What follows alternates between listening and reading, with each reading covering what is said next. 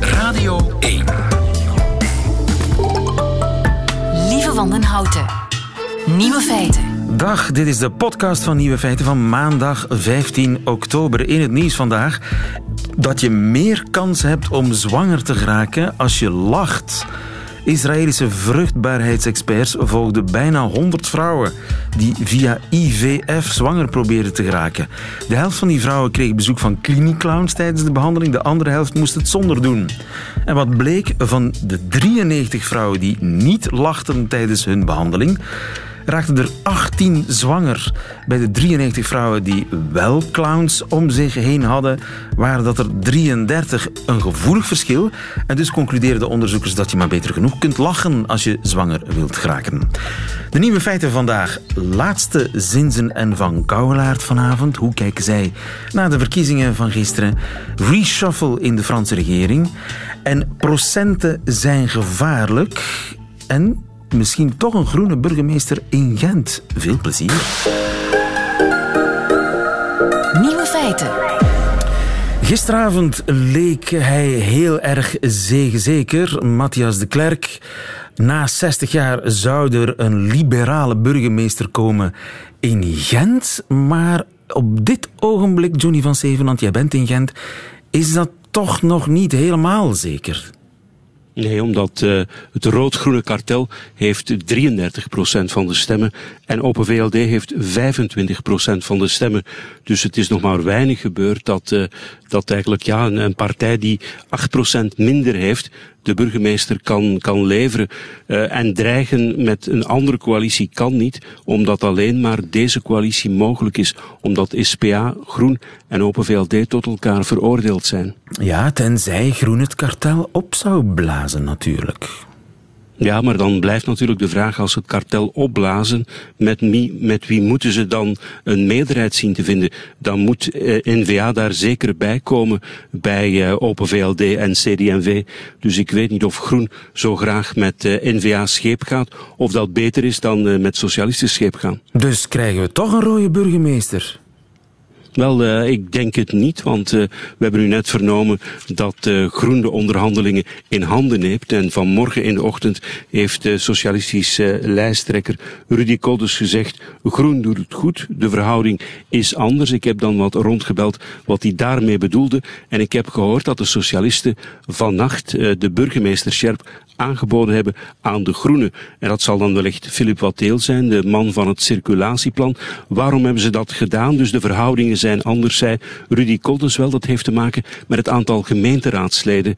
Op dit ogenblik hebben de Groenen dubbel zoveel gemeenteraadsleden als, uh, als de socialisten. Dus 14 tegen 7. En de vorige keer hadden de socialisten wel een meerderheid. Dus het wordt dus heel erg moeilijk voor de socialisten om te tegenover Groen de burgemeesterschap te eisen.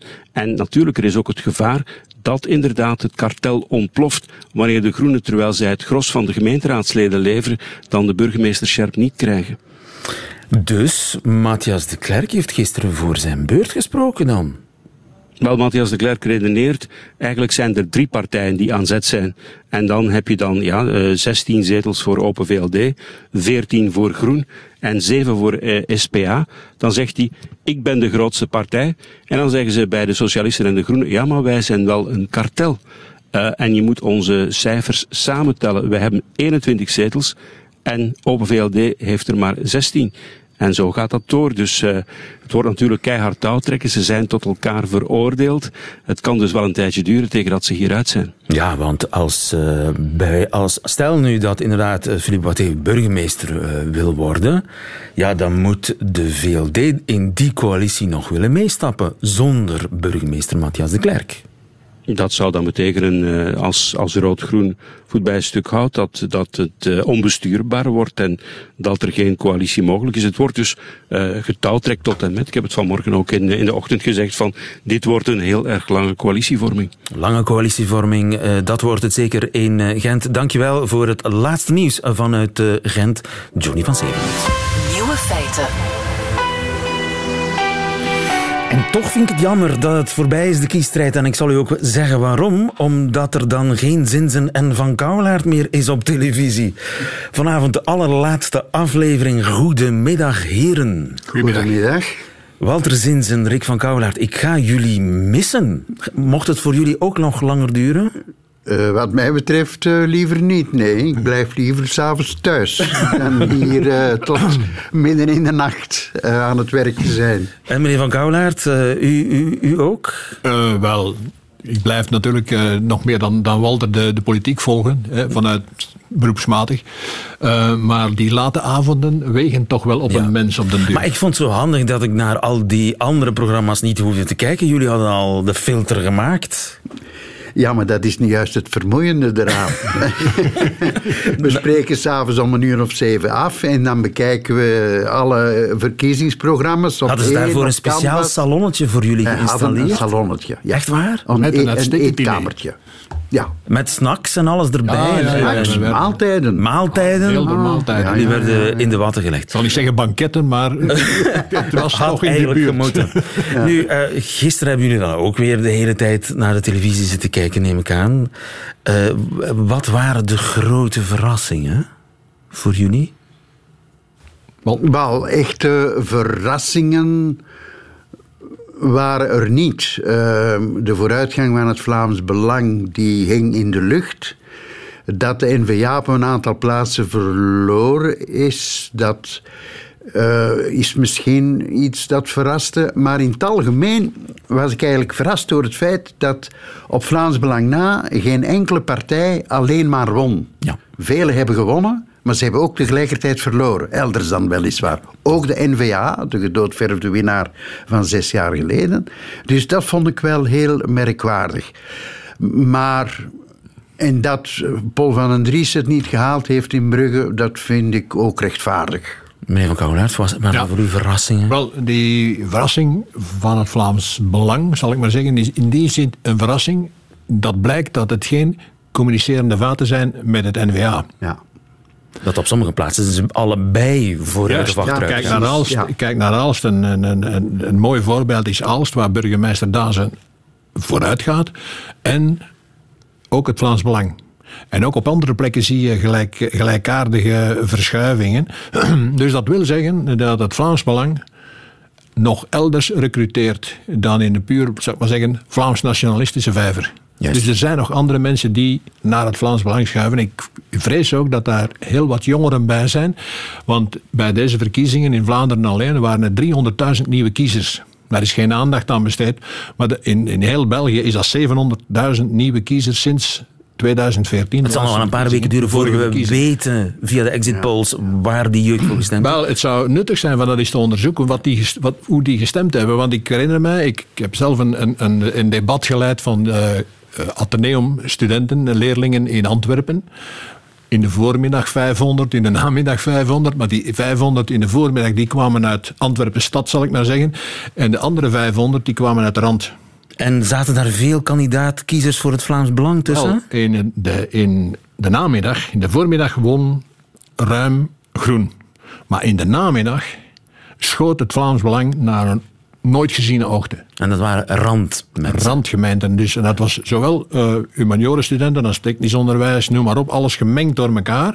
Maar uit de wat groenere rand van Antwerpen, ja, daar schoot ja. Uh, het Vlaams Belang ongezien naar omhoog. In die mate zelfs dat ik aan die directrice die de, eh, die de PC uh, manieerde voor de, voor de stemmenverloop gevraagd heb: Bent u zeker? Ja, ja. Inderdaad, wij zijn zeker. Dus dat wil toch wel iets zeggen. Nu kan het zijn dat zij voor de grap ook Vlaams Belang hebben gestemd. Maar dat de hele groep van 500 in die zin uit de bol gaat, nee, dat, eh, dat was niet mogelijk. Dus daar zit daar iets. En die fascinatie ook voor de sterke man ja. die je voelt bij, bij sommige jongeren. En dat is natuurlijk gevaarlijk. Dat is gevaarlijk. De uitgestoken hand was zeer duidelijk van uh, voorzitter van Grieken. Wij willen meebesturen. Uh Voorzitter van Grieken is ook, uh, heeft een iets zachter imago dan zijn voorganger. Mhm. Ziet u het gebeuren dat effectief NVA Vlaams Belang in bepaalde gemeenten gaan samenwerken? Um, ja, dat, uh, dat weet ik niet. Daar ken ik de interne partijverhoudingen niet voor. Wat mij verontrustend, dat heeft mij ook verrast in deze verkiezing, is dat het Vlaams Belang wellicht op twee plaatsen het cordon sanitair zal kunnen doorbreken door onder een andere naam op te komen. Juist, Forza. Forza in Ninove en Vernieuwing in Grimbergen. Ja. Eh, waar al een akkoord is eh, gesloten. Dus het Vlaams Belang zit onder de naam Vernieuwing in het gemeentebestuur van een Vlaams-Brabantse gemeente. Daar is het dus al gebeurd. Dus het is stilaan gaande. Wat betekent dat eigenlijk voor de NVA? Moeten, moeten zij zij- ik denk meer dat- naar rechts Ik denk dat de N-VA, als eh, such, de, de partij zelf, hè, N-VA, dat die gaat dat cordon niet doorbreken. Trouwens, ik denk niet zo lang als Bart de Wever daar zit. Dat heeft hij ook eh, zo vaak gezegd, hopelijk. Maar zoals Walter zegt, lokale partijen onder een totaal andere naam, waar wat van alles eh, verzameld zit. Ja, dat is gemakkelijker om daar dat cordon te doorbreken. Hm? In Ninove is, is het uitkijken of dat daar niet gebeurt. Voorlopig gebeurt er niet, maar het is wel uitkijken. Ah, 40% is wel. eh, Ja, 40% is, is wel een serieus percentage om tegen te, om tegen Ja, te Maar wat betekent dat voor de verkiezingen ja, die er alweer aankomen over een maand of zeven? Dat Al- het NVA zich rechter zal profileren, denk ik. eigen, het, nou, dat denk ik nu niet meteen. Om- Wat, eh, als, als, er iets zou, als, er iets, als ze al één les zouden moeten trekken, N-VA en anderen uit deze verkiezingen, dat is dat ze best een beetje in, eendrachtiger naar de verkiezingen trekken in mei 19. De, de meerderheidspartijen dat ze tot nu toe gedaan hebben. Ja, Hè? natuurlijk, ja. Dus eh, als ze daar willen overleven, zal het moeten gebeuren. Denk- te meer omdat er langs Waalse kant toch ook, ja, dat zie je wel, daar is zich een, eh, een, een, een centrum-linkse, een stevige centrum-linkse meerderheid aan het vestigen terug. Ja. Ja. Ik denk eerder dat de les die N-VA uit deze verkiezing moet trekken er een is van meer gematigdheid als het bijvoorbeeld over asiel en migratie gaat. Als systematisch eh, beleidsmakers, politici, al wat hier binnenkomt stromen als vluchteling of als migrant en be- beschouwd als voorwerpen die problemen veroorzaken en niet als mensen die in nood zijn en geholpen moeten worden, ja, dan moet je niet verbaasd zijn dat het Vlaams Belang daar garen bij spint, want dan heb je het cliché van de mensen verkiezen het origineel. Misschien geldt dat ook voor de jonge mensen, dat weet ik nu natuurlijk ook niet. Dus als dat discours, zoals men dat zo mooi noemt, een beetje zou veranderen, een beetje zou humaniseren en niet in de altijd als eh, probleem voor beschouwd en de mensen ook noemt zoals ze zijn. Ik krijg de puisten van het woord transmigrant. Wat is dat voor iets, een transmigrant? Het zijn mensen in nood, die eh, ook eh, nood hebben aan hulp. En mensen die ze dan helpen ook nog eens criminaliseren en met processen bedreigen. Ik vind het verschrikkelijk. En dat is de, de, dat is de oogst die ze daarmee eh, Goed. behaald Maar nu zijn we al bezig met de verkiezingen van volgend jaar. Laten we nog even bij die... Ja, absoluut. Ja, ja, dat is mijn schuld. Mijn schuld, eh, meneer Zinze. Eh, maar in Gent, ja, toch raar, hè? Ja. Eh, Johnny van Zevenand uh, net zei, het gaat daar heel lang duren. Eh, gisteren opvallend toch, Matthias de Klerk, die al burgemeester leek te zijn. Hoe hebben jullie daar naar Maar gekeken? het eh, nog niet is. Wel, ik vond die toespraak van Matthias de Klerk eerlijk gezegd. een beetje flauw. Zo zelfvoldaan. Daar zat geen enkel toekomstperspectief in. We hadden, Rick en ik hadden het er daarnet over zijn o- grootvader, Willy de Klerk. Dat was een man met, met postuur die Gent overheerste en voor een deel ook het land.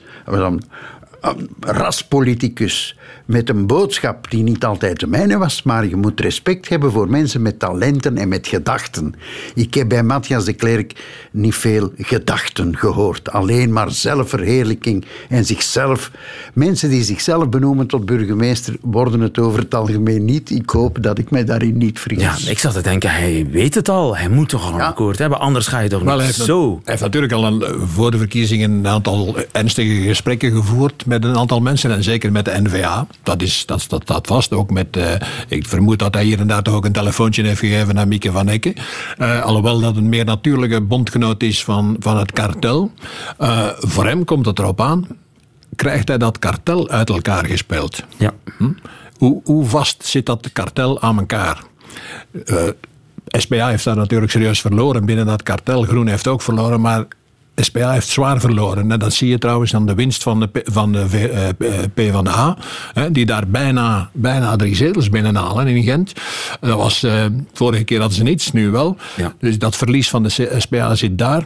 Dus kan hij dat uit elkaar krijgen, dan heeft hij een kans om het tot burgemeester te, te brengen. maar nog, eh, het eh, zal niet gemakkelijk zijn voor de Heel de erg Klerk. spannend. Om af te sluiten, wat was voor jullie het beeld gisteren? Welk beeld in al die, die, die uren televisie die, eh, die we bekeken hebben, welk beeld zal op uw netvlies gebrand blijven, meneer Zinze? Wel, ik heb eentje, dat is een grappig beeld. Dat is de, de verslaggever van de VRT die voor het thuis van Bart de Wever staat en zegt dat Bart de Wever niet te zien is. Terwijl die natuurlijk aan het luisteren is naar de VRT en even aan het raam komt zwaaien. Ja, dan zie je toch... grappig. Dan zie je eh, de wever, de eh, humor. Wel, de wever humor ja, blijft ja, overeind ja, en, en zijn schild en vrienden natuurlijk, die voor hem lopen, vond ik ook een Ja, grap. maar dat was toch een uh, testudo, hoe heet het? Eh, Schild, eh, schildpad, garnizoen. Ja. Dat was een beetje intimiderend. Ja, dat was zo. Maar dat is dan Bart de Wever die grappen maakt, die vaak door anderen totaal verkeerd begrepen worden. Ja? Ik denk dat, dat hij, hij zal voorzichtiger moeten worden met dat soort grappen. Ik ben toch al blij, Rick, dat hij weer grappen verkoopt. Want zijn- gevoel voor humor was ook ver te Laatste zoeken. tijd was de het ver te afgelopen zoeken, ja. tijd, ah, my. Ja, dus we hebben de zwaaiende Bart de Wever, we hebben het, het, het testudo, of ja, ik, testudo heet het toch, hè? Het, schil, het, het- het garnizoen, bij wijze van Ja, ja, spreken, ja. dat naar eh, Antwerpen, het hoofdkwartier van de NVA, oprukt. Eh, meneer Zins, ik heb uw beeld nog niet. Ja, wel, dat komt omdat ik eigenlijk niet zoveel naar de televisie heb gekeken. Maar Walter toch? Ik heb, maar beste weer, ik heb u, eh, de radio gevolgd. Uiteraard. Uiteraard. Dat is even Maar informatief. eh, ik, ik dacht Mohamed Ridouani. Ja, dat is- dat is een- zeer, ja. zeer waardige. Na alle somberheid die we hier hebben tentoongespreid, het resultaat van Redouani in Leuven, dat is eh, zalf op de wonden. Zoals ook de benoeming van vader Compagnie tot burgemeester van een Brusselse gemeente. Dat zijn dingen die de burger moet geven. Daar ben ik heel blij om. Dingen die de burger moet geven, daar zijn we blij om. En ik ben er heel blij om dat jullie vanavond, helaas voor de laatste keer, eh, de televisieavond gaan overschouwen. Ik ga kijken. Canvas, rond een uur of elf geloof ik. Ik geloof dat het half twaalf is Half twaalf. Eet smakelijk straks. Ja. Terwijl, u, ter- terwijl je naar al die televisieprogramma's kijkt. Walter Zinze, Rick van Kouwelaar, dank u wel. Nieuwe feiten. Coucou de France. Met Alex Visorek. Tja, verkiezingen of geen verkiezingen. Op maandag leg ik mijn oor te luisteren bij mijn France Inter-collega eh, Alex Visorek. Goedemiddag, Alex. Ik- eh, ja, ik ben er. Geen verkiezing in Frankrijk. Nee? nee, nee, nee. nee. Raar? Nee, nee, no- nooit in de herfst. Eh, altijd in mei in Frankrijk. Maar toch hebben eh, de Fransen zich de hele week afgevraagd wie zal ons besturen volgende week. Na het ontslag van eh, minister van Binnenlandse Zaken Gérard Collomb moest er een vervanger komen. Maar sinds een paar weken smaakt het naar crisis in de regering. Dus werd het vlug duidelijk dat er meer verandering zou komen. Het was dus de week van de kabinetswijziging, le remaniement. Le remaniement, de reshuffle, zoals wij dat zeggen. Yes. maar er is niks gebeurd. Oei. Lieven, eh, nee, nee, nee, nee. Ze hebben eh, niet de gewoonte in Frankrijk eh, zonder gouvernement te zijn. Dus ze zijn een peu angoissés. Op maandag hebben we vernomen dat het op dinsdag zou gebeuren. Op dinsdag liet het Élysée weten, non, pas ce soir. En het zou beter later dan vroeger gebeuren, want de tweede helft van de week vertrok Macron naar Armenië. Eh, hij was daarvoor le sommet de la francophonie. Eh, la francophonie, dat is de familie van alle landen waar er Frans wordt gesproken. Mais cette famille, si bigarrée, si chatoyante, si vibrante, diverse, coruscante, elle est unie. Unie avant toute chose par une langue. Ouh là là là là, l'eau me vient dans la bouche, chatoyante, vibrante, coruscante. Nee. Ik nooit gehoord. Coruscant. Wat betekent- wat betekent dat? brillant. Bre- eh, schitterend.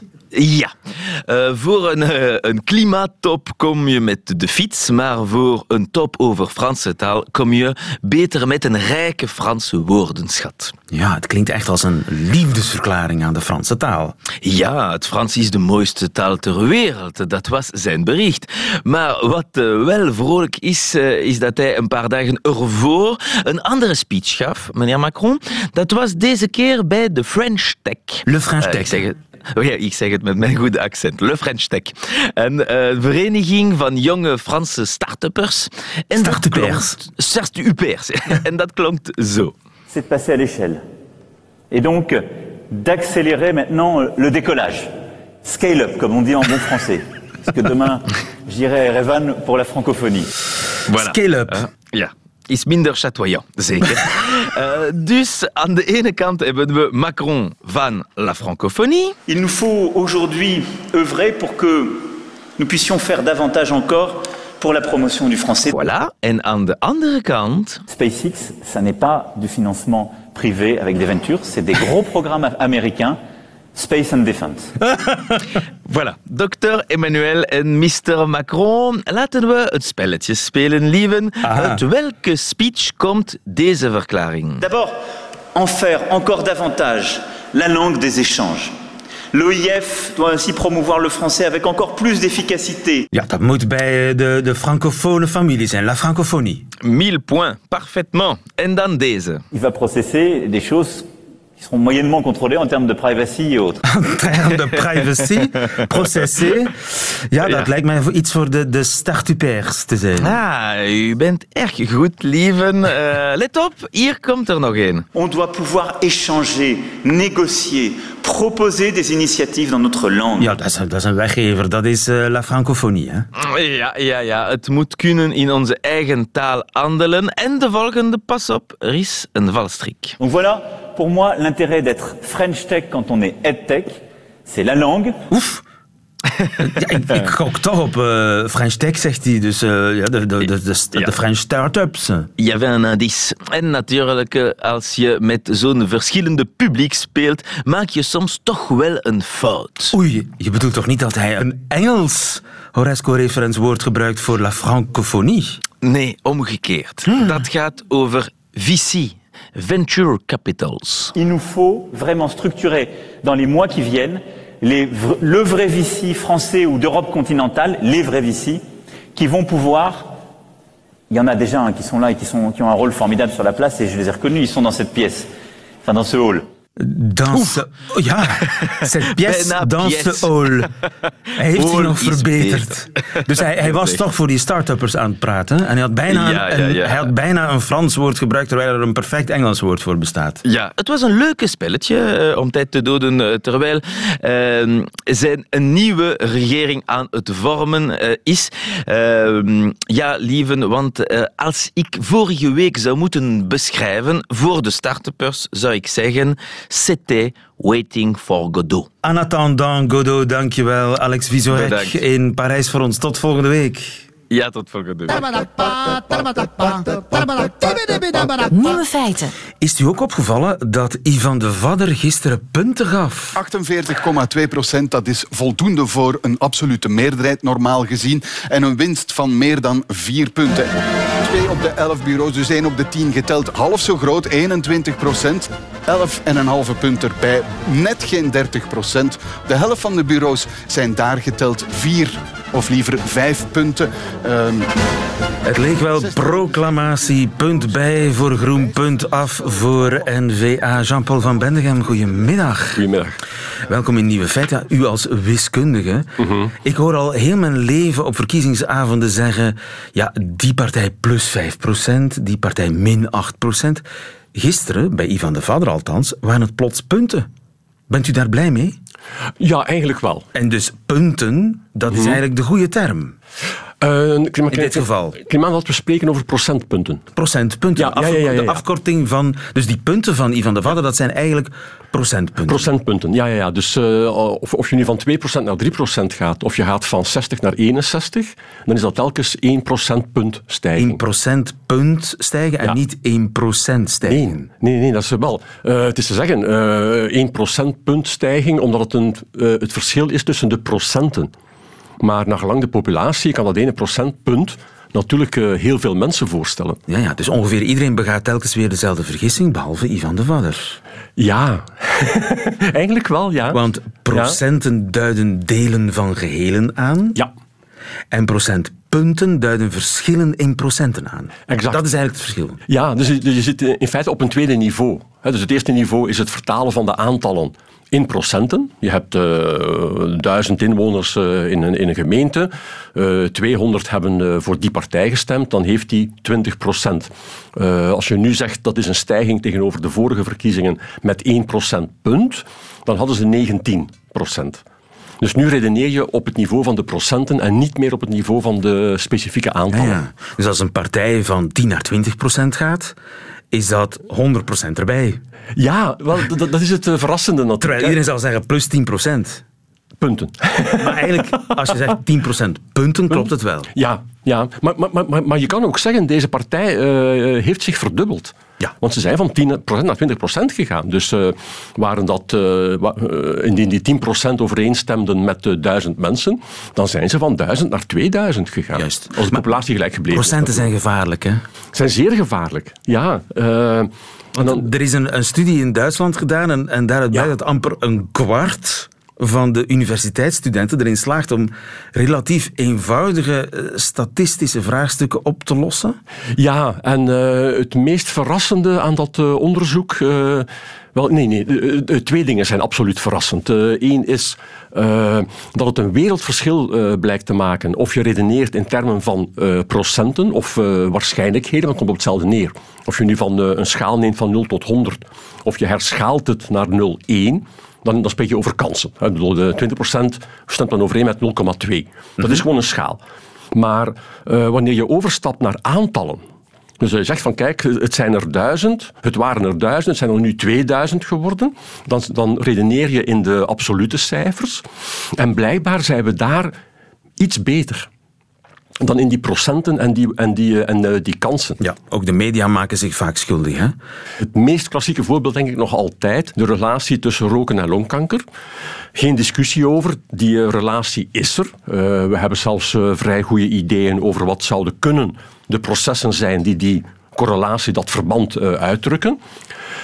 Maar als dan iemand zegt, uh, jammer, jammer, jammer, jammer, dat, dat, dat, geloof ik niet. Met een bompa, allee, hij is nu 90, elke dag twee pakjes en voilà, hij loopt er nog rond. Dat is geen weerlegging daarvan. De vraag die je dan moet stellen aan die persoon is, en kent je nog veel van die bompas?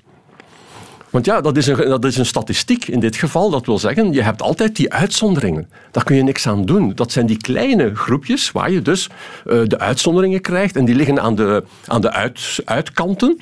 Die zijn er dus wel, alleen ze zijn met weinig. Er zijn niet veel bompas van 90 aan twee pakjes per dag die nog altijd fix uh, rondlopen. Dus eigenlijk bevestigt dat het geheel. Maar ja. het, het, het klinkt raar natuurlijk. 20% meer kans. Mm -hmm. dat, dat, is ook iets waar je, waar, wat misleidend lijkt. Hè? Ah, ja, dat bedoel... lijkt heel veel.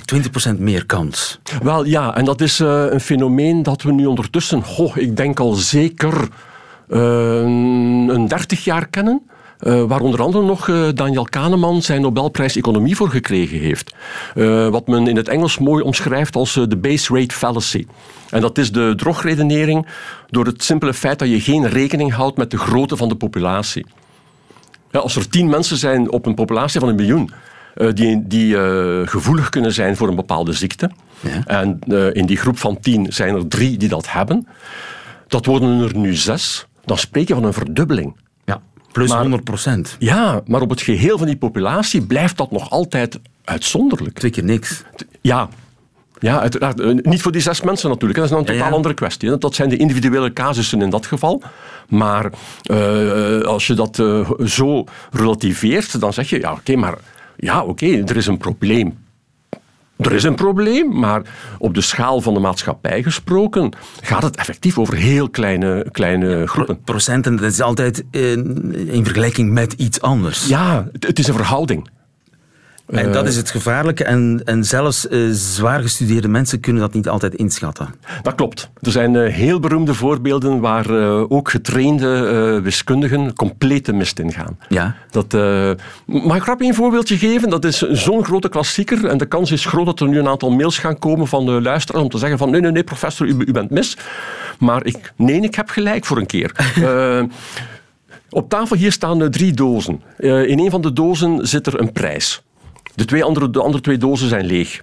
Uh, jij weet niet in welke doos de prijs zit en je mag een eerste keuze maken. Stel voor dat je zegt, ik moet de eerste doos hebben. En ik zeg nu tegen u, kijk, ik weet waar die prijs zit. Dus ik kan een doos open doen waar de prijs niet in zit. Mhm. En ik doe het. Ik doe doos, doos 3 open. En jij kan dat ook vaststellen. Die is leeg. Mhm. Dus daar sta je nu. Je hebt doos 1 gekozen in het begin.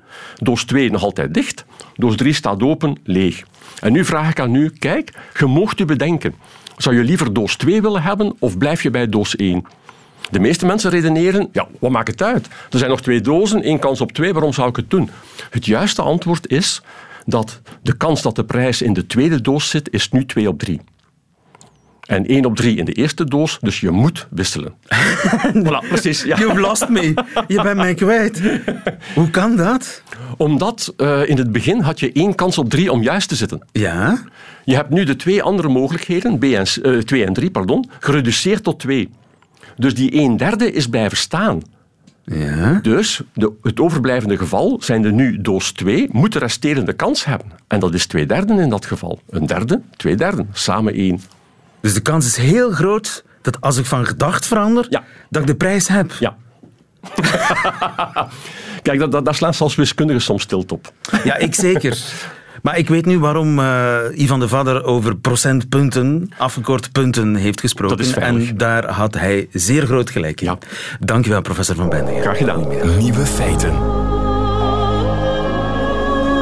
Middagjournaal. Het zomerde. En hele dorp trok naar de sporthal met de fiets of te voet. Het was daar een en al gefladder van zomerjurkjes, zondagse korte broeken en luchtige t-shirts. Vrolijke gesprekken werden gevoerd met vrienden en bekenden, waarbij men verklaarde dat men op de goeie zou stemmen. Ook ik legde zulke bekentenissen af met het oog op de geheimhouding van de kiesverrichtingen. Daarna betrad ik het verfrissend koele sportcomplex. Het was er sober, maar sfeervol ingericht. De houten stemhokjes met hun versleten gordijntjes waren op hipstermaat gemaakt. Ja, er was goed nagedacht over de vormgeving. De computer met het zwart-wit schermpje deed nog een smaakvol schepje bovenop dat vintage, vroege jaren negentig gevoel. Even dacht ik, alleen al om esthetische redenen is de democratie een goede zaak. Een dwaze gedachte, maar wel een die goed klinkt. En dat is ook wat waard. Vriendelijk, maar zonder overdreven jovialiteit werd ik ontvangen door de voorzitter en zijn bijzitters, die zo professioneel te werk gingen dat je dacht, die mensen zouden daar hun beroep van moeten maken. Een paar uren later zag ik de heer Tommelijn, die het nummer Blauw meezong op een podium. We kunnen niet meer aan Telau vragen of hij dat nummer ooit als een liberale hymne heeft bedoeld. Maar in elk geval, in de versie van Tommelijn werd het een ingetogen hulde aan zijn gedachtegoed en dat van zijn volgelingen. Het refrein van de tekst luidt: Blauw, blauw, blauw, keer ik terug naar jou.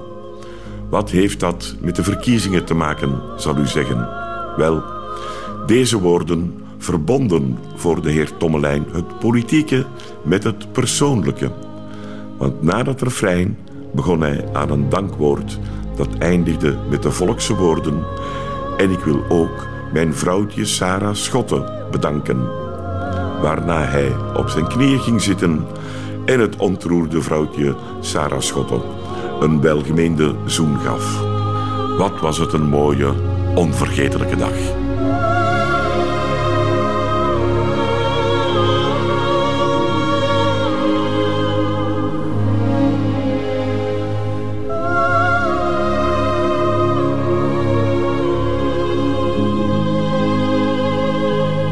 Middagjournaal met Hugo Matthijssen. Meteen het einde van deze podcast, maar u vindt er nog veel meer op radio1.be en op alle gebruikelijke podcastkanalen. Tot volgende keer.